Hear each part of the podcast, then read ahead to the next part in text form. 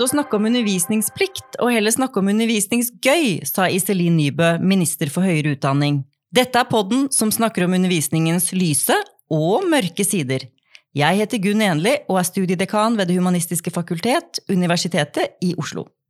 Her på mitt kontor liker jeg å tenke på undervisning, men enda bedre enn å tenke alene liker jeg å tenke sammen med andre. Derfor så har jeg invitert noen av landets klokeste hoder til å snakke med meg og den som har kommet i dag, leder landets eldste og beste universitet.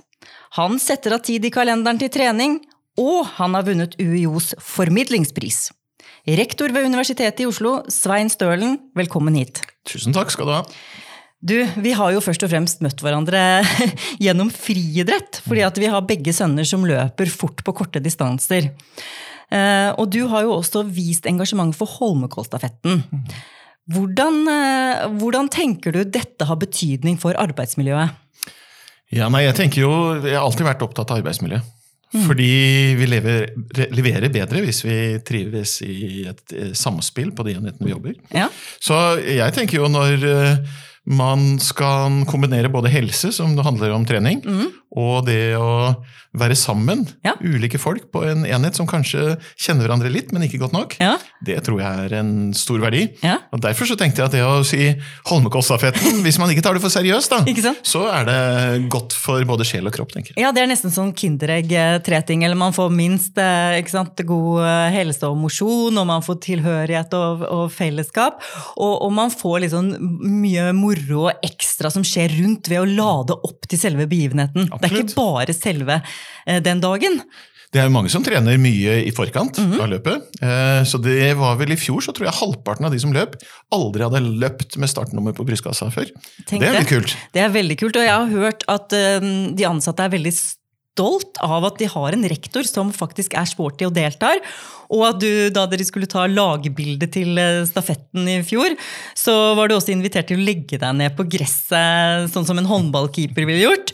Og du var på nippet til å gjøre det, har det blitt meg fortalt. Men så ble du liksom korrigert av eh, universitetsdirektøren på at nei, nei, hold deg oppreist, Svein. ja, men det er riktig det. Jeg, ikke, jeg tar jo ikke mange, mange fem øre for å legge meg ned på plenen. Det spiller jo ingen rolle. Ja, men det er det som... Så du skal jo være i et eh, Det er et samspill. Ja. Jeg tenker at om folk, nei, jeg er jo stolt av å jobbe på et universitet hvor det er eh, masse mennesker som det er lett å snakke med. Og det å skape en kultur også hvor vi, vi klarer å samhandle på tvers av ulike grenser, stillingskategorier osv., er jo ekstremt viktig for oss. Ja. Det er jo grunnen til at, at, Universitetet i Oslo er Norges beste universitet. Det er at vi har fantastisk mye flinke folk her, og det er i alle stillingskategorier. Ja, for, og fordi vi klarer å dra hverandre opp og gjøre hverandre gode. Og ha arenaer som, som vi også kan, eh, kan, bli kjent på tvers. ikke sant? Så det er jo du en eh, foregangsfigur for. Ja, jeg tenker i hvert fall dette er viktig. Det mener jeg. Mm. Fordi at uh, Det er jo noen som har sagt at uh, idrettsutøvere eller toppidrettsutøvere har noe til felles med forskere, fordi vi også er litt individualister og uh, veldig veldig ambisiøse. Og universitetet kan jo noen ganger omtales som et forskerhotell. altså At man bare kommer og forsker og drar hjem igjen. og det blir liksom borte alt fellesskapet. Men du har vært opptatt av at det ikke skal være sånn. Ja, jeg tenker at uh, Hvis vi skal lære av idretten, så vet vi at uh, toppidrettsutøvere de jobber jo ikke alene. Mm. De jobber jo i team, og de jobber jo i team med andre idrettsutøvere, og så jobber de i team med støtteapparatet rundt seg. Og For å lykkes så må man få denne symbiosen til å fungere. Slik er det også på universitetet. det er jeg helt overbevist om.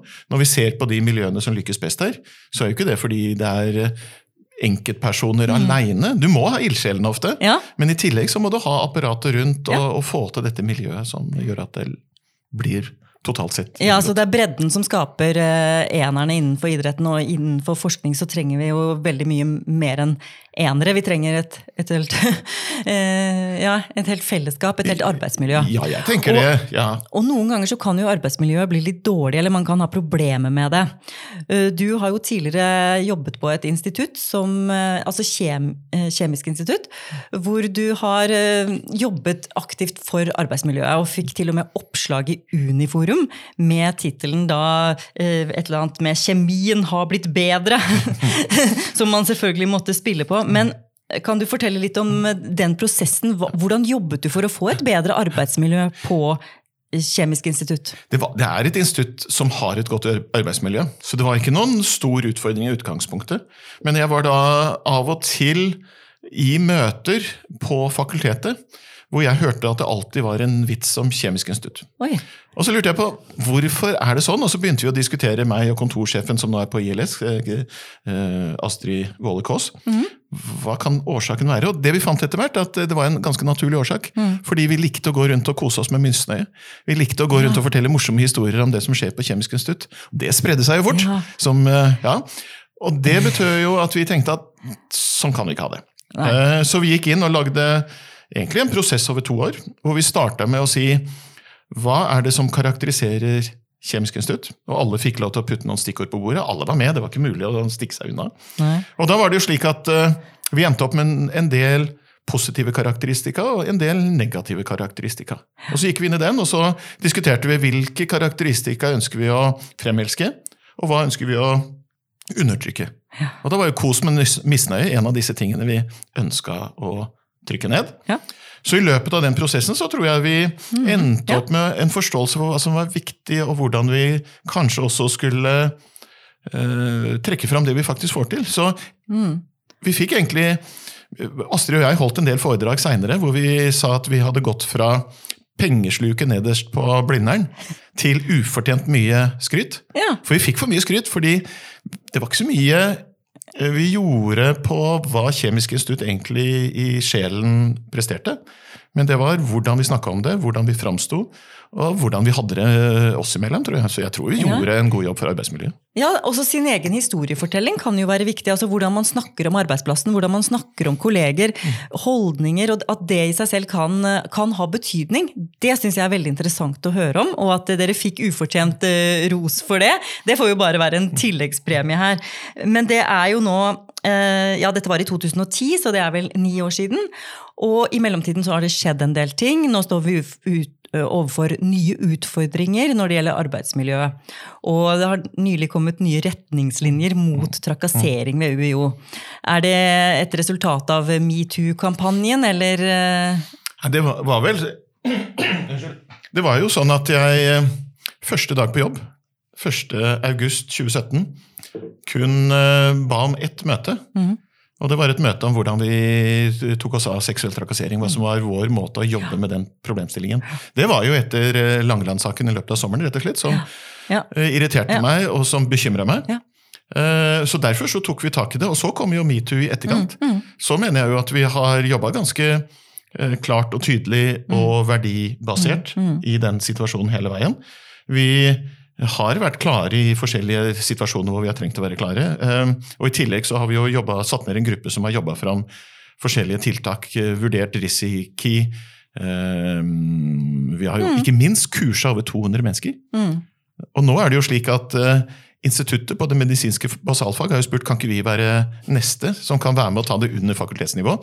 Og så kom vi da med disse spillereglene i siste styremøte, som jo på mange måter er eh, normal folkeskikk, sånn som jeg ser det. Ja da, det jeg har lest i, og det er jo sånn respekt for hverandre og være på vakt eh, når det er alkohol inne i bildet. og Jeg syns det er veldig relevante punkter og veldig viktig. Og det er veldig bra at toppledelsen har troverdighet når de snakker om disse tingene, og at du engasjerer deg på bakgrunn av en enkeltsak eh, som, som fikk bred mediedekning, men som også blir sånn, sånn som man snakker om, da. Apropos hvordan man snakker om arbeidsplassen, så, så er jo det også noe som kan skape mis, eh, altså, misnøye. Mm. Men jeg tenker at det vi gjør også med disse, disse retningslinjene nå, det er jo mest eh, få liksom dette fram i hodet. Ja. Reflektere rundt det. Jeg, jeg er jo de som mener at eh, når jeg har vært professor og vært på forskjellige tilstelninger med studenter, så er jo jeg tidlig hjem. Mm. Ja. Det er jo alltid jeg satt, satt som en selvfølge. ja. eh, For å sikre at eh, man ikke kommer inn i situasjoner. ikke sant? Så, så jeg tenker Mm. Ja. være reflektert rundt egen oppførsel Ja. må man faktisk være som professor. Man er professor døgnet rundt. altså.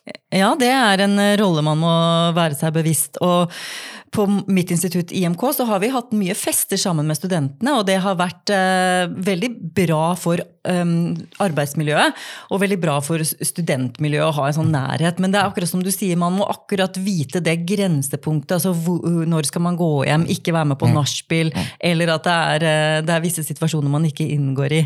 Og den bevisstheten tror jeg har blitt mye sterkere nå, at det er en viktig jobb å gjøre nå. Ja. Det er godt at vi har fått disse debattene, for dette er helt nødvendig. Mm. Men det handler jo om hele samfunnet. Det handler jo ikke bare om akademia, dette. Dette handler jo om hvordan vi oppdrar barna våre. Det handler om hva som skjer i barnehagen, det handler om hva som skjer på skolen. Ja. Men dette er en Absolutt. samfunnsutfordring som vi må bidra til å løse. Absolutt, det er det. Men det var jo disse oppropene kom jo i avisen fra veldig mange bransjer. Men akademia var ikke med på de oppropene. Og så var det noen som lurte på hvorfor det. Og da ble det meg fortalt at nei, man er ikke enig om definisjonen av seksuell trakassering. og det er jo også litt sånn eh, akademikervits man kan more seg med. Men du eh, er jo professor i kjemi. Og eh, for å gå litt tilbake i tid, hvordan starta den karrieren din? Var det gitt at du skulle bli eh, forsker innenfor kjemi? Nei, det var det nok ikke. Så jeg kom jo fra østsida av Fredrikstad, så jeg kom jo fra arbeidersiden av en arbeiderby.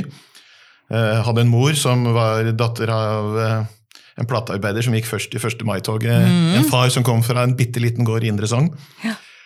Så det var ingen selvfølge i hele tatt. Men det er klart, vi fikk jo en oppfølging hjemme som gjorde at de satte pris på at vi klarte oss på skolen osv. Um, Uh, og, og sant å si også, Vi har jo sett mange fra min generasjon i disse familiene har klart seg godt. Så, Ja. så, så hodet var nok der, og, og intellektet på en måte. Men det er klart at uh, for meg var det ingen selvfølge. Jeg gjorde det heller ikke spesielt bra på videregående. Jeg syns egentlig at det var, ja, det var så så. Ja, okay. Um, så så- jeg ble først tent når jeg kom inn på universitetet, og plutselig så gjorde jeg det mye bedre enn jeg hadde forventa. Og fant faget ditt. Jeg, ja, jeg fant faget. Jeg tror jeg mest av alt så fant jeg eh, akademia. Ja. Og den friheten eh, som jeg satte pris på på universitetet. Den gangen så var det jo sånn at du kunne ta en fysikk, matematikk, kjemigruppe, FMK-gruppen som det het. Og så var det egentlig ganske fritt hvordan du satte Ja. dette sammen. Eh, og det betød jo at jeg gikk inn og følte jeg hadde et helt annet liv, og jeg kontrollerte livet mitt selv. Det var et eh, opplegg som passa meg som person, Ja. og som gjorde at jeg blomstra, tror jeg, og, og tok eh, ansvaret når jeg hadde friheten. Ja, Så du ble inspirert av frihet og inspirert av foreleserne? Eller hadde du noen forelesere som inspirerte deg særlig, som du vil bekalle forbilder, eller, eller var det mer en sånn summen av alt? Jeg tror nok det er summen av alt, men det, men det var jo mange gode forelesere som jeg kan eh, reflektere rundt. Jeg hadde jo ja, Her om dagen så hadde vi 8. mars. Ja, Og da var det jo sånn at eh, Krono fortalte meg at den første professoren på UiO Jeg hjalp dem litt, da, den kom i 1912, neste kvinnelig i 1929. Ja. Den tredje kom på 80-tallet, det er helt og det er helt utrolig på natt-natt.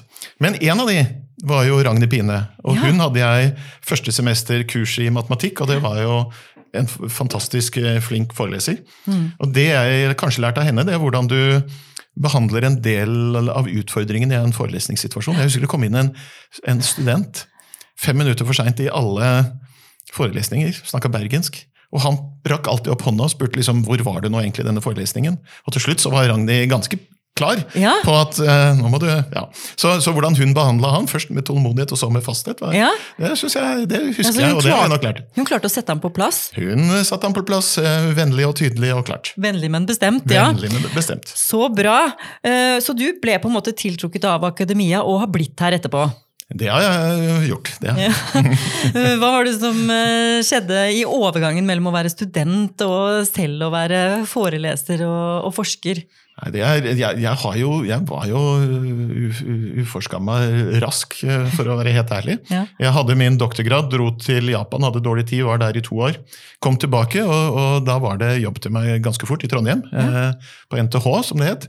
Um, men eh, da var de også raske på Kjemisk med å lyse ut en stilling, og så kom det en stilling i Oslo også som jeg fikk. Så jeg ble jo faktisk ansatt som førsteamanuensis som 31-åring. Oi! Um, så jeg hadde jo Det er litt, tidlig. Det er tidlig. Det, Ja. er, det, det var tidlig da, og det er jo Ja. tidlig fortsatt.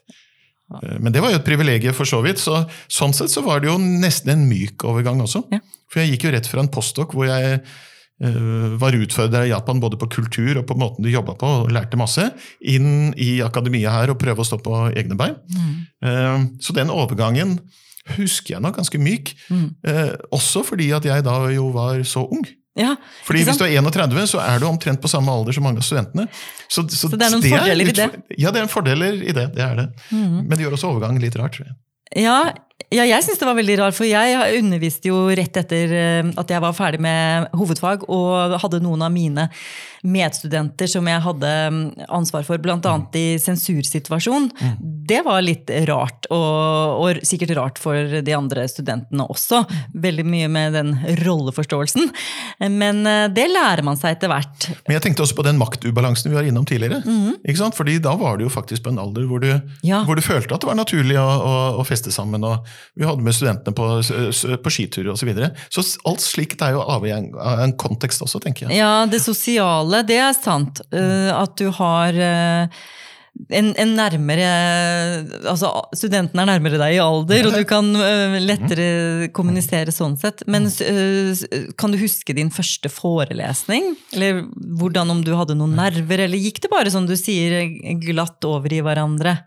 Jeg kan ikke huske det. Nerver har man vel alltid litt uro, i hvert fall. Mm. Um, nei, jeg, jeg, jeg, husker vel uh, bare at det var en stor overgang å gå fra de mindre kursene, de mer avanserte kursene, til de store forelesningene. Mm.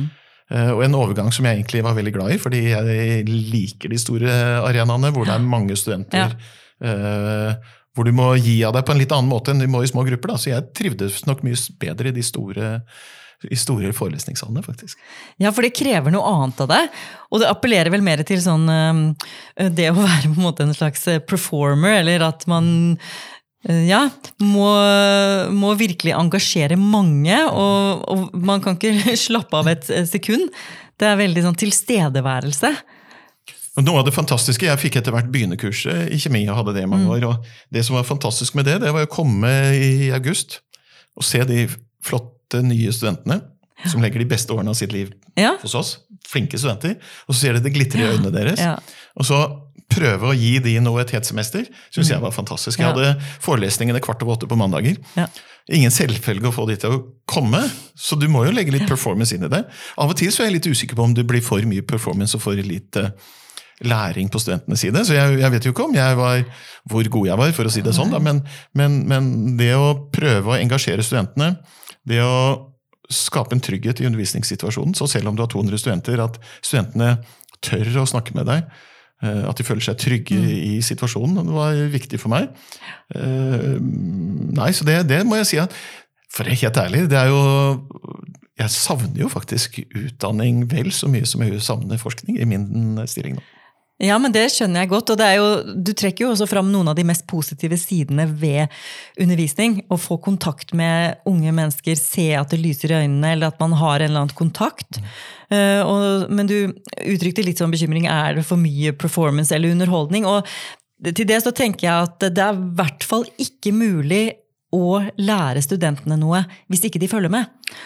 Fordi da er de på mobilen eller i tankene, eller du har mistet dem. Så man må ha et element av performance eller, eh, eller underholdning, eller i hvert fall bryte opp eller tenke på, på at man, man, må kjempe for oppmerksomheten deres. Det må man, men man skal reflektere over også hva som er studentenes egenlæring. Jeg husker det var en, en, en fysikkprofessor ved Harvard som hadde en sak som ble ganske vidt distribuert da han gikk ut med det. Mm. For Han hadde fått priser år etter år. Mm. Men han hadde tatt seg i at testene egentlig ikke var så gode på hva studentene lærte. Nei. Så han konkluderte med at han var en performer. Ja. Så han var der og, og var morsom. ja. Og så gjorde han om eh, forelesningene ganske mye, sånn at han var mye mer opptatt av læringen enn av sin egen performance. Og fikk resultater. Ja. Så han ja, Så han ble mer kjedelig og tørr, og, men oppnådde bedre Ja, eller kanskje han tok mindre plass selv ja. og ga studentene mer plass. For deres mm. egen læring er jo det vi faktisk jobber med. Så det, det, det handler om, er jo kontakt med studentene og oppmerksomhet, og at de selv aktiveres. sånn at Vi må jo bruke det vi har av pedagogisk forskning og kunnskap også fra pedagogikken, som sier at studenter lærer mest når de er aktive. Så det vil jo være feil å være en sånn performer som passifiserer eller mm. gjør, gjør de til rent publikum, og ikke til deltakere. Mm. Eh, men du er eh, altså en som brenner for studentene og har et høyt engasjement. Det har jeg hørt folk si om deg, og det sier du også selv nå når du sier at du savner det. Ja da. jeg er vel sånn, Generelt så er jeg ganske engasjert når jeg først uh, vil noe. Jeg er litt sånn binær. 0-1. Når jeg er på, så er jeg på. Det gjelder vel egentlig det meste. Ja. Men det er klart jeg er engasjert for studentene. Jeg synes jo, Dette er jo det viktigste vi produserer. Mm. Ikke sant? De skal jo ut i samfunnet. Det er jo der vi tar kunnskapen vår i bruk. Så jeg vel, Hvis jeg får korrigere, holdt jeg på å si, Ja. så tenker jeg at jeg er opptatt av forskning, utdanning og ta kunnskap i bruk. Ja. Og det er jo hele universitetet. Ja. Eh, Vi skal være forskningsbaserte. Det er da Ja. vi får en, en utdanning som virkelig er god. Ja. Eh, Så må vi lære eh, vi, vi, vi må prøve å lære bort, og så må vi sørge for at studentene lærer. Ja. Og så må vi ta kunnskapen i bruk. Og, og Den beste måten å ta kunnskapen i bruk er jo gjennom studentene. Ja. Derfor er det det viktigste produktet. Så jeg har vært opptatt av studentene på mange måter. Jeg har vært opptatt av vi har starta et studieprogram, Materialer, energi og nanoteknologi. Ja. eh, Som var et studieprogram jeg skapte fordi jeg ville få til større tverrfaglighet. Mhm. Eh, Hvor jeg også var veldig opptatt av læringsmiljøet til studentene og prøvde å hjelpe til der. ja, hvordan gjorde du det? Nei, Det var vel rett og slett at når du får inn en portefølje av studenter som du ikke er vant til å ha på universitetet, fordi det, disse var nok litt lignere, de ligna nok litt mer på teknologistudenter i Trondheim. Vi tenkte vi skulle Ja. lage et program som trakk noen andre typer studenter til instituttet. Så var det jo å skape et fellesskap for de. Så da vi starta programmet, så brukte vi første året på å lage ganske mange arrangementer. Hvor vi lagde arenaene, hvor de tok plass. Hvor de etter hvert tok mer og mer over. Og lagde sin egen studentklubb, som nå heter Menasjeriet, som fortsatt er livskraftig.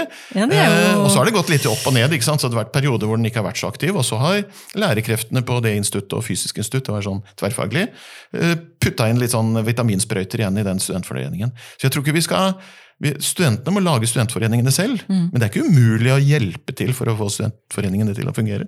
Nei, altså stimulere til, eller bidra til at det skjer. Lage arenaer hvor, hvor du diskuterer ting, hvor du har eksterne inn, Ja. får næringslivet næringsliv inn, arbeidsliv inn osv. Det eh, tror jeg på. Det har jo vært noe av det viktigste for eh, IMK, hvor jeg kommer fra. Det er å invitere inn bransjen. Altså invitere mediebransjen inn, kommunikasjonsbransjen inn. Høre praktikere snakke. Og, og det å høre sine forelesere da stille spørsmål, være kritiske, komme inn som eh, på en måte en tydelig kritisk stemme, men å, liksom få bryte, bryte seg på på praktikerne. Det, det skaper veldig mye dynamikk og engasjerer studentene veldig. Så det har vi også god erfaring med her på HF. Men eh, det med å, å ta kunnskap i bruk, det handler jo også litt om eh, formidling. Og i år så feirer vi jo 150-årsjubileet for grunnstoffenes periodesystem. Og du har vært med på å utvikle nettressursen periodesystemet.no. Eh, Kan du fortelle litt om ideen bak det? Ja, jeg har lyst til å starte litt før periodesystemet kom. Gjør gjerne det. For det handler jo også om noe jeg tenker er viktig for et eh, arbeidsmiljø.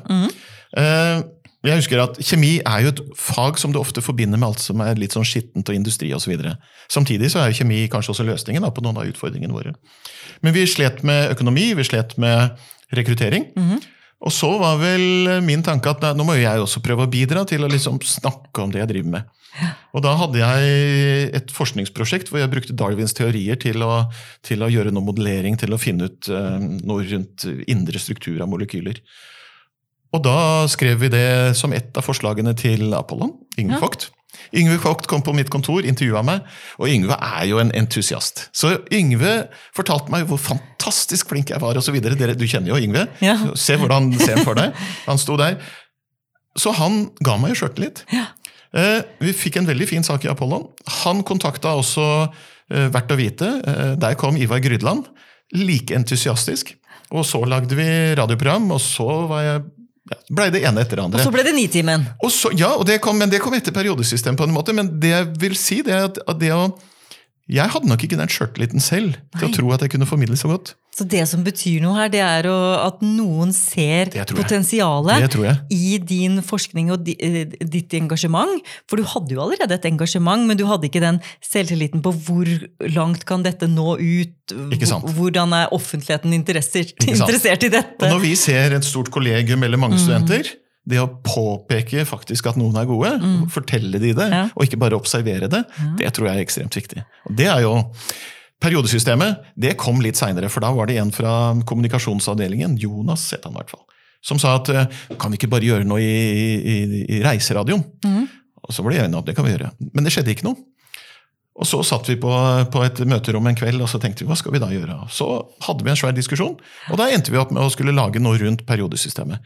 Og det var fordi at uh, her er det så mye morsomme anekdoter rundt disse grunnstoffene. Hvordan de er ble funnet, Ja. uh, hvordan de brukes, hvordan de fikk navnene sine, koblingen til mennesker. Fantastisk kulturhistorie. Eh, så vi bestemte oss for å gjøre det, og så tenkte vi at dette var jo fort gjort. Det tok meg vel full tid, ett og et halvt år, vil jeg tro. Oi. Og så endte vi opp med et periodesystem hvor vi involverte hele instituttet, egentlig. Mm. Eh, når vi lanserte det i Georg Sveidrups hus, der hvor det var utstillinger en gang, så Mm. Ja. kom jo Reiseradioen, og så kom Aftenposten, Ja. og så kom den ene andre, etter den andre. Og da fikk vi jo den oppmerksomheten, og da var det med en gang utrolig nok syv innslag om grunnstoffer i Nitimen, de følgende de ukene.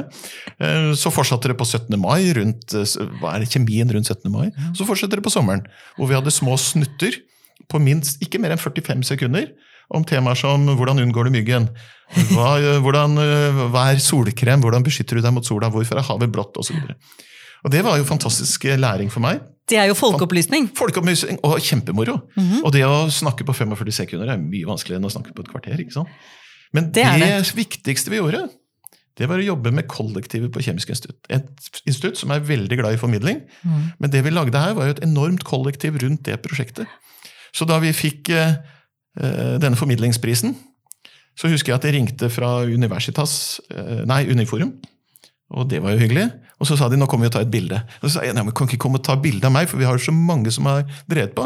Nei, jo, sånn sa de. Nå kommer vi det. Jeg husker ikke om de kom om en halvtime eller om tre timer, eller hva det var.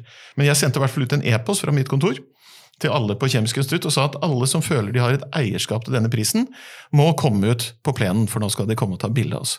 Og da har jeg et bilde som jeg syns er fantastisk. Da ligger jeg på plenen, Ja. og så har jeg tror jeg 55 mennesker bak meg, som Ja. alle følte de bidro til denne prisen. Så alle kom løpende. Alle kom løpende, og da var det ikke bare vitenskapere. Det var også folk fra Glassblåseren, fra verkstedet, fra økonomiavdelingen. Det alle var jo med på dette. Dette var et Lagarbeid. stort kollektivt lagarbeid Ja. på Kjemisk institutt. Det var kult. Det var kult. Det Ja, var veldig, veldig gøy. Og gøy at dere når så bredt ut med et tilsynelatende smalt fag som kjemi, og klarer å gjøre det relevant og, og interessant for folk flest eh, som hører på Nitimen.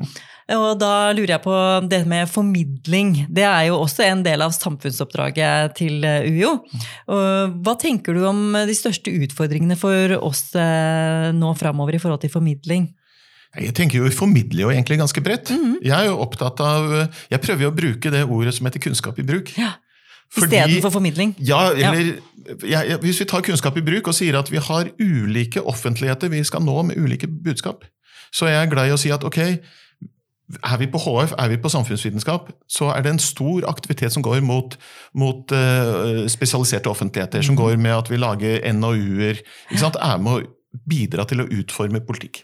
Det er et viktig formidlingsoppdrag. Så kan vi ta uh, det vi gjør til allmennheten, som jeg har vært med på, ikke sant? som jeg syns er kjempegøy. Uh, Det er også et formidlingsoppdrag, men med en annen, annen målgruppe. Og så vil jeg egentlig påstå at innovasjon er en tredje på samme parallell. Fordi det er en tredje spesialisert offentlighet, for det er næringslivet og arbeidslivet. Eh, Sånn at Mm. for meg så har vi ikke fire oppgaver, vi har tre. Ja. Vi har forskning, vi har utdanning, og så har vi å ta kunnskapen vår i bruk. Og så er det flere måter å ta kunnskapen i bruk på. Ja, og vi formidler jo bredt, og noen er høyt og lavt, mens eh, andre formidler eh, mer sånn gjennom eh, undervisning og forskning eller populærvitenskapelige publikasjoner. Så det er jo det som er med UiO, at det er så mangfoldig. Folk gjør det på ulike Var Er ikke det fint, da? Jo, Vi er ikke like. det er veldig fint. Så jeg tenker også ikke legge noen sånne stramme strategier rundt dette, men faktisk slippe det folk på den måten de selv vil. Jeg husker da jeg formidla mye fra kjemi, og det kom noen fra fakultetet og sa at nå liksom skal vi lage, gjøre det på den. Jeg sa nei, jøye meg. Hvis jeg skal gjøre dette, så må jeg gjøre det på noe som er nært sjela, sjela mi, og, og på en måte som passer for, for min formidling. Akkurat det der er veldig viktig, fordi at man kan ikke si til alle at dere skal på radioen, dere skal skrive blogg, eller dere skal være på sosiale medier. Dette er så individuelt, og vi, vi gjør det som et slags overskuddsfenomen. Eller mange har veldig formidlingsbehov, og mange får mye energi av det. Absolutt. Men andre de blir dødsnervøse av å skulle gjøre et intervju med VG eller å stå live på, på Dagsnytt 18. Så det må være valgfritt, og, og alle gjør det litt på sin måte. Og så er det fint at folk bruker ulike kanaler, for vi skal ut i mange kanaler. Så hvis alle hadde vært på Dagsnytt 18, da hadde vi fått det slitsomt. Da hadde det, Ja, da hadde det blitt eh, kanskje litt ensformig på Dagsnytt 18 i hvert fall. det, det hadde det. Men eh, dere, vi står jo nå overfor en eh, strategiprosess her på UiO.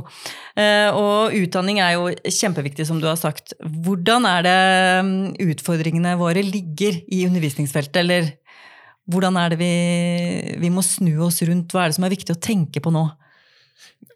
Jeg, først og fremst så vil jeg gans tenke ganske positivt rundt dette. Fordi vi har jo alle muligheter. Vi har Norges beste studenter. De legger de beste årene i sitt liv i våre hender. Så jeg tror jo vi må fokusere på at dette er et potensial vi må utnytte, utvikle. Det handler om først og fremst det produktet vi leverer til samfunnet. Og så skal vi tenke på det at vi skal ha noe av dette inn i vårt system også på sikt. Men, men til syvende og sist så handler det jo om den, den store rekrutteringen til samfunnet. Og da tenker jeg at det som kommer til å være viktig for oss, det er at vi klarer å, å, å, å møte samfunnets behov på en god måte.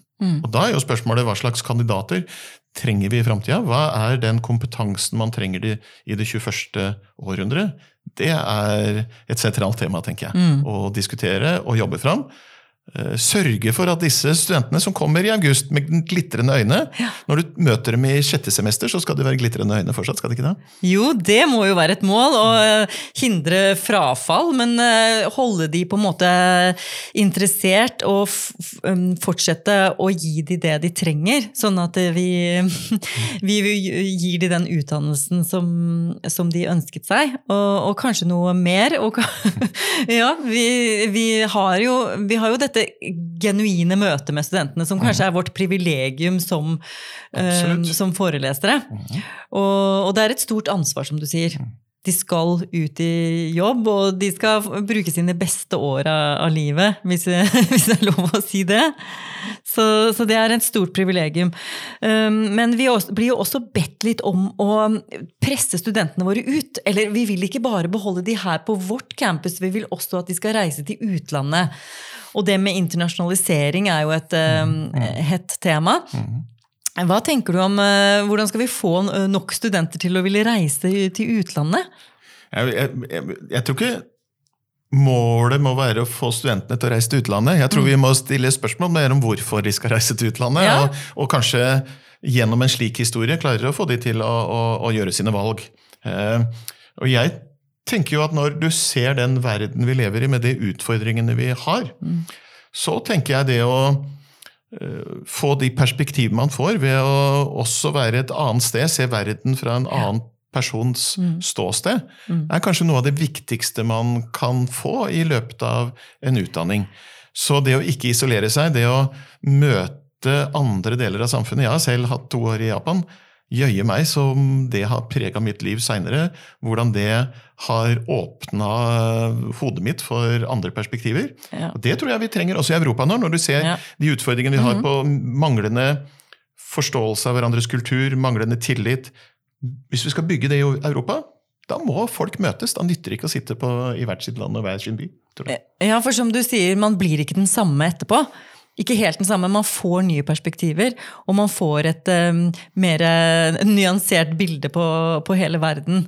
Bekjemper jo stereotypier og polarisering og, og slike ting. Og det skal du jo gjennom en utdannelse. Du skal jo utfordres på dine egne tanker og ditt eget verdisett. ikke sant? Det må du jo gjennom en utdanning. Og det da å være i et helt annet land, det tror jeg faktisk er Men jeg tror du har løsningen på eh, det å motivere studentene til å reise ut. Det er å fortelle hvorfor skal dere gjøre det, hva er det som er riktig og viktig med det akkurat sånn som verden ser ut nå, og hvordan vil det berike ditt liv og din utdannelse. Eh, Fordi det er nok eh, enda litt sånn at vi er på et stadium hvor mange studenter er veldig komfortable med å være i Norge og Oslo og det kjente, og det, det skjønner jeg jo godt. Eh, Du selv er jo involvert i en prosess med å utvikle campus her på UiO sammen med Oslo kommune. Mm. Og vil jo da gjøre dette til et attraktivt campus både for norske og internasjonale studenter. Absolutt. Så det er klart, internasjonalisering hjemme er jo også et tema.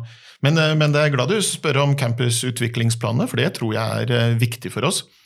Vi har jo et veldig godt samarbeid med Oslo kommune etter hvert. Mm. Det handler jo ikke minst om eh, samarbeid for å utvikle en studentby som er god. Da snakker vi om Hvor, hvordan har vi et studentliv som er godt? Hvordan le- tilrettelegge byen for et godt studentliv? Hvordan sørger vi for at det er liv på campus også etter klokka fire? Det sliter vi jo litt med her.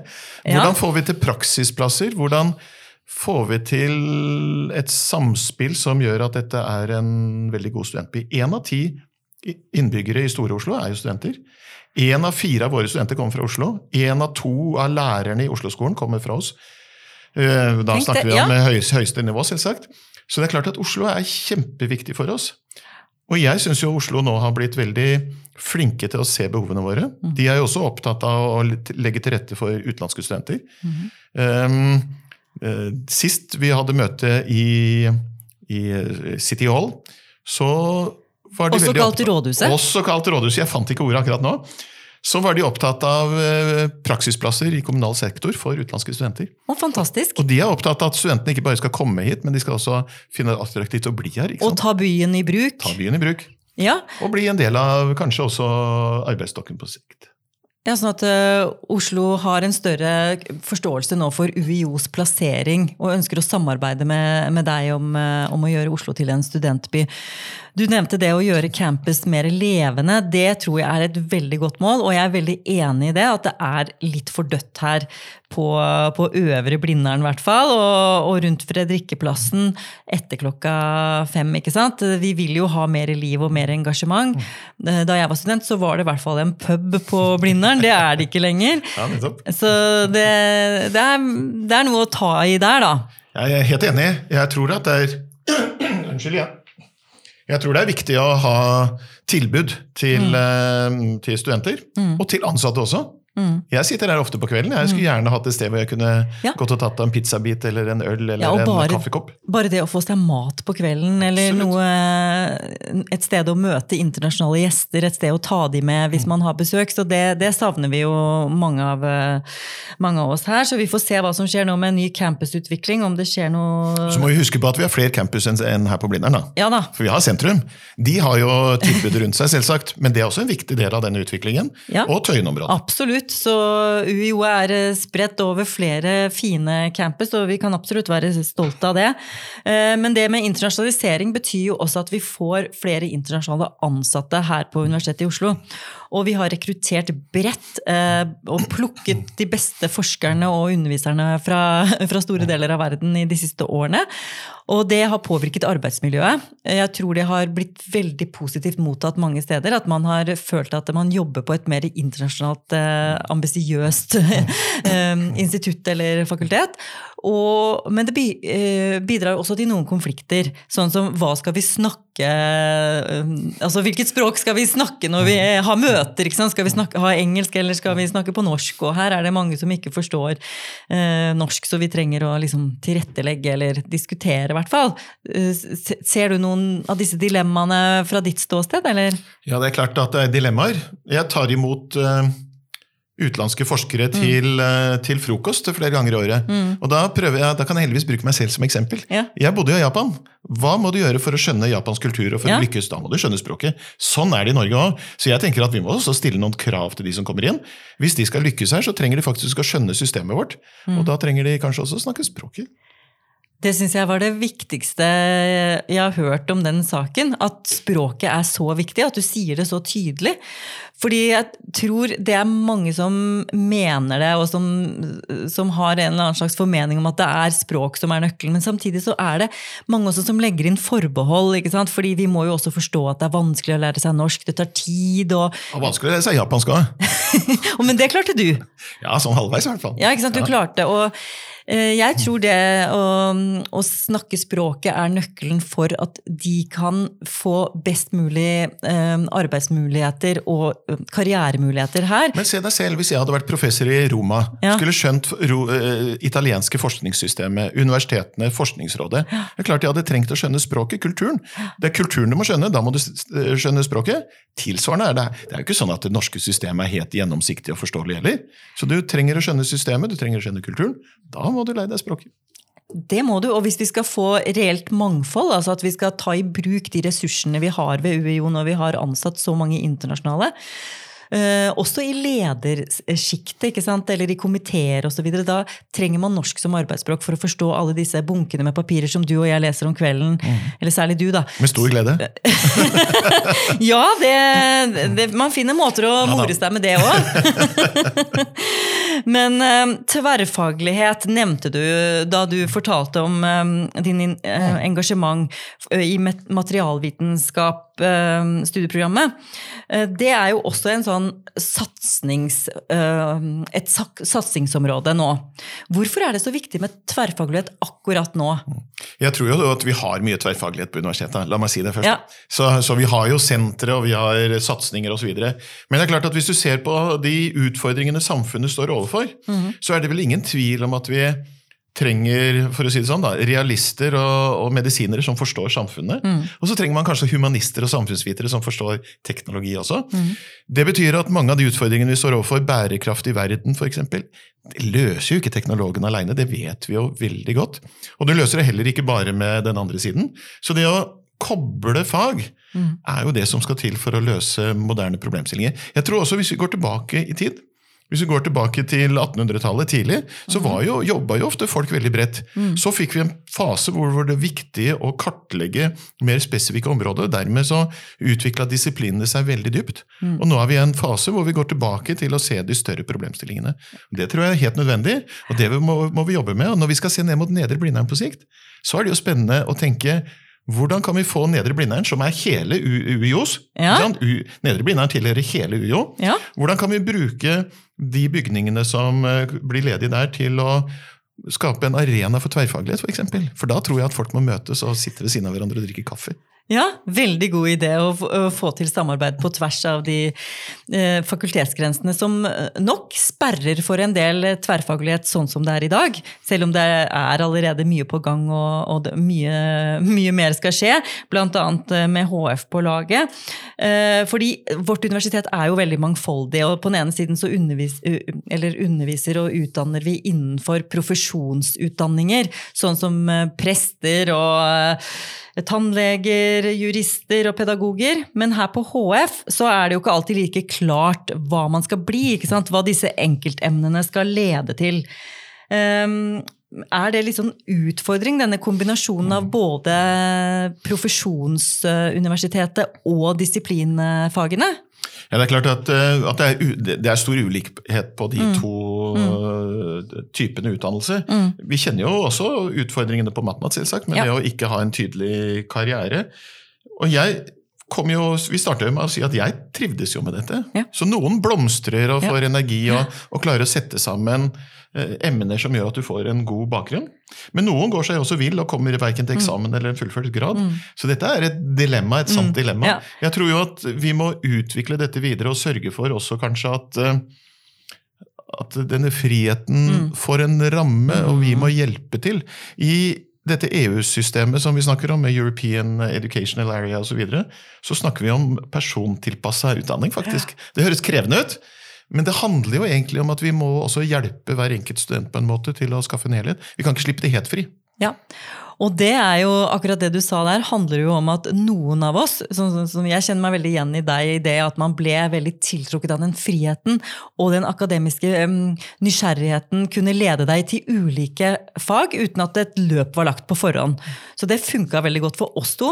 Mens uh, i dag og andre studenter kanskje trenger mer uh, oppfølging og veiledning underveis. Ikke sant? Men du, nå begynner det å nærme seg slutten, og jeg har tre faste spørsmål eh, som jeg avslutter med. og Det ene er, har du noen tips til andre undervisere? Hva er din suksessoppskrift?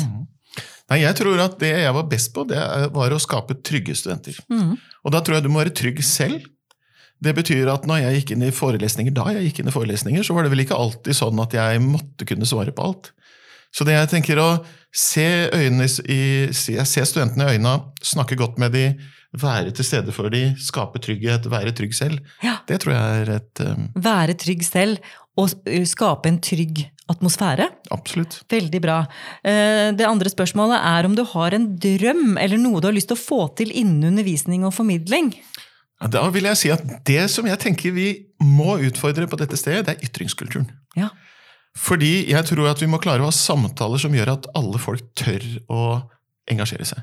Av og til så ser jeg tendenser til at man har så steile fronter i, i våre debatter at noen lukker seg inne.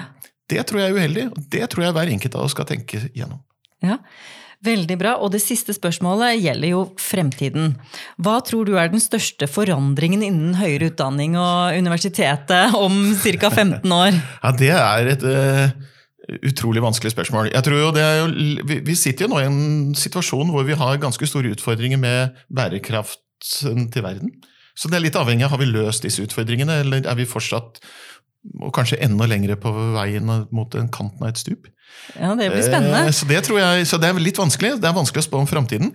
Samtidig, hvis du går tilbake 15 år i tid og ser 2004, så er det klart at vi underviste jo faktisk på mange av de samme måtene osv. Hvordan det ser ut om 15 år Jeg håper jo at uh, vi har en større fleksibilitet, det tror jeg. Vi er i dag veldig rammestyrte, veldig opp studieprogrammene med obligatoriske emner. Jeg tror kanskje vi får en større frihet. Større fleksibilitet. Kanskje ikke nødvendigvis slik at alle programmene er like lange heller. ikke sant? At mm. enheten er av en annen type. Netflix-studenten kommer til å påvirke oss. Livslang læring. Ja. Så det er en spennende framtid. Jeg tror det er vanskelig å spå om det, faktisk. det tror jeg du har helt rett i. Svein Stølen, rektor ved Universitetet i Oslo, tusen takk for at du kom hit på kontoret mitt. Tusen takk. Utrolig hyggelig å være her. Eh, veldig morsom samtale, og i tillegg hyggelig. Ja, dette har vært en begivenhetsrik stund. Jeg har lært mye om betydningen av arbeidsmiljø, betydningen av ytringskultur, og framtidsspåing er vanskelig, kommuniserte du til slutt. Så hjertelig takk. Og neste uke er vi tilbake med en ny spennende gjest fra Akademias høye elfenbenstårn og dype korridorer. Så følg med, og abonner gjerne på denne podkasten, undervisningsplikten, i iTunes.